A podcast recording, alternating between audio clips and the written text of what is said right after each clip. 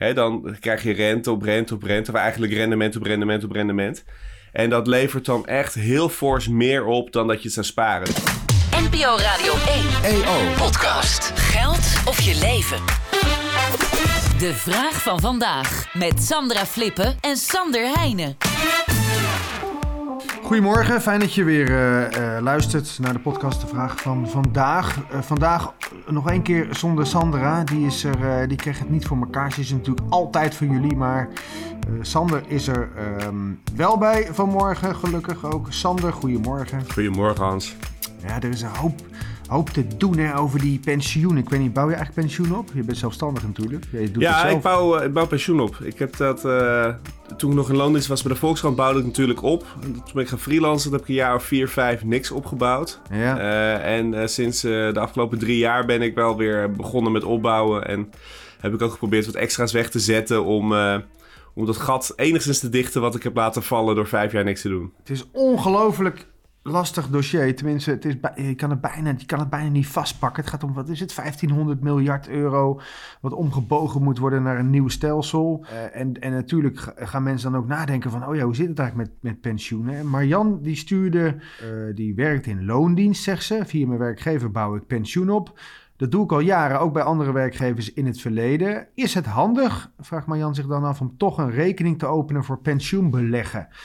Zou namelijk fiscaal aantrekkelijk zijn om de zogenoemde jaarruimte te benutten. Nou, Marjan heeft er in ieder geval eh, onderzoek naar gedaan. Want ik denk, ik, ik weet zelfs niet eens hoe het zit met, met jaarruimte. Zullen we daar dan maar beginnen? Ja, help ons dus even, Sander. Ja, dus, dus, dus eh, om pensioen op te bouwen moet je, eh, moet je, je moet niks, maar als je pensioen wilt opbouwen en je gaat ervan uit dat het lastig is om genoeg geld bij elkaar te sparen hè, over je leven om, om, om nog 20 jaar met pensioen te kunnen zijn als je stopt met werken. Daarom wil je dat je geld rendeert, dus je wilt het beleggen. Ja. Eh, als je eh, geld, stel, het lukt je om je geld eh, te laten renderen, zo'n procent of 4 tot 6 per jaar.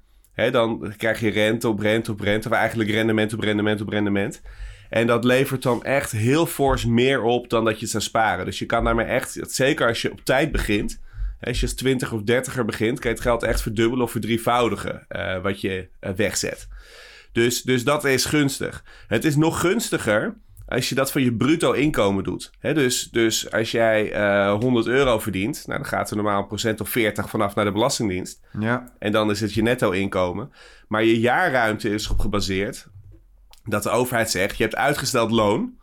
Eh, hè, dat is je pensioen straks. Dus je mag voor je bruto inkomen betaal je nu geen loonheffingen over. Dan mag je dat wegzetten. Dat, is, dat doe je als je in loondienst bent direct in je pensioenfonds. Ja. En als je eh, en niet je volledige jaarruimte benut, dus niet het volledige bedrag dat je belas- belastingvrij mag wegzetten, dan heb je dus een bedrag over. En dat zou je dan zelf nog weg kunnen zetten, fiscaal vriendelijk, zonder dat je daar nu belasting over hebt betaald. Als je in loondienst bent, dan, dan gaat er bij mij is, is dat ook zo. Ik ben in loondienst. Dan gaat automatisch een deel van mijn loon, eh, van mijn bruto loon, gaat naar het pensioen. Maar daarnaast Precies. is er nog meer ruimte, zeg jij. Dat hangt er vanaf hoe jouw werkgever dat in de CAO heeft geregeld. Ah, Dus sommige werkgevers gebruiken jouw maximale jaarruimte. Dat betekent dat je wat meer pensioen opbouwt. Ja. Andere werkgevers die denken van misschien is het wel leuk om in dit geval jou, eh, Hans, eh, een iets hoger netto inkomen voor te spiegelen.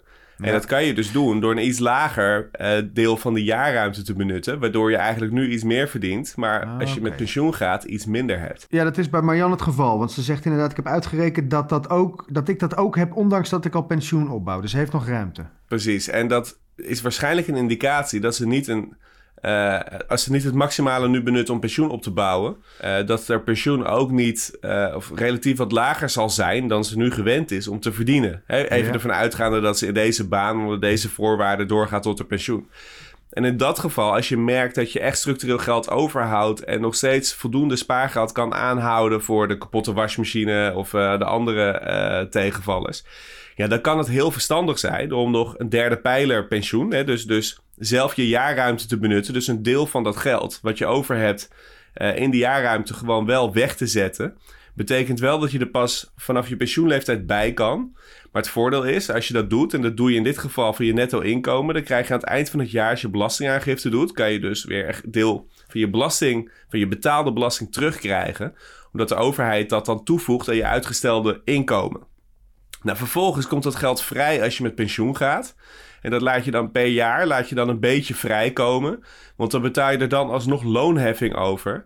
Maar tegen die tijd heb je een stuk lager inkomen dan je nu hebt. Want je pensioen is eigenlijk altijd wel lager dan je salaris. Dus dan betaal je relatief ook wat minder belasting daarover. Maar vooral, het bedrag is een stuk groter geworden. Omdat je dus dat bruto inkomen hebt laten renderen. Dus in die zin is het gunstig. Kijk, het nadeel, het grote nadeel is je bent het geld wel nou, je niet kwijt, maar je kan er niet bij tot je met pensioen gaat. En tot slot, ik zit te denken, mensen die nu luisteren denken van jaarruimte, hoe zit dat eigenlijk? Hoe kan je nagaan of jij je maximale jaarruimte al benut? Weet je dat? Ja, dat kun je uitrekenen. Je kan op de site van de Belastingdienst opzoeken wat de jaarruimte precies is. Ik dacht dat het een procent of acht is van je jaarinkomen. Dus je moet een beetje onderzoek doen. Maar daar kom je wel vrij makkelijk achter. Of gewoon even naar je afdeling uh, eh, PNO gaan als je in loondienst bent. Zo is eh, het. die kunnen je vast ook wel op weg helpen. Zo is het. Goed, heb jij ook een vraag aan Sander of Sandra? Van allebei natuurlijk, dat kan ook. Uh, mail dan naar podcastradio1.eo.nl. Dit was hem voor vandaag. Morgen weer een nieuwe vraag. NPO Radio 1 EO Podcast.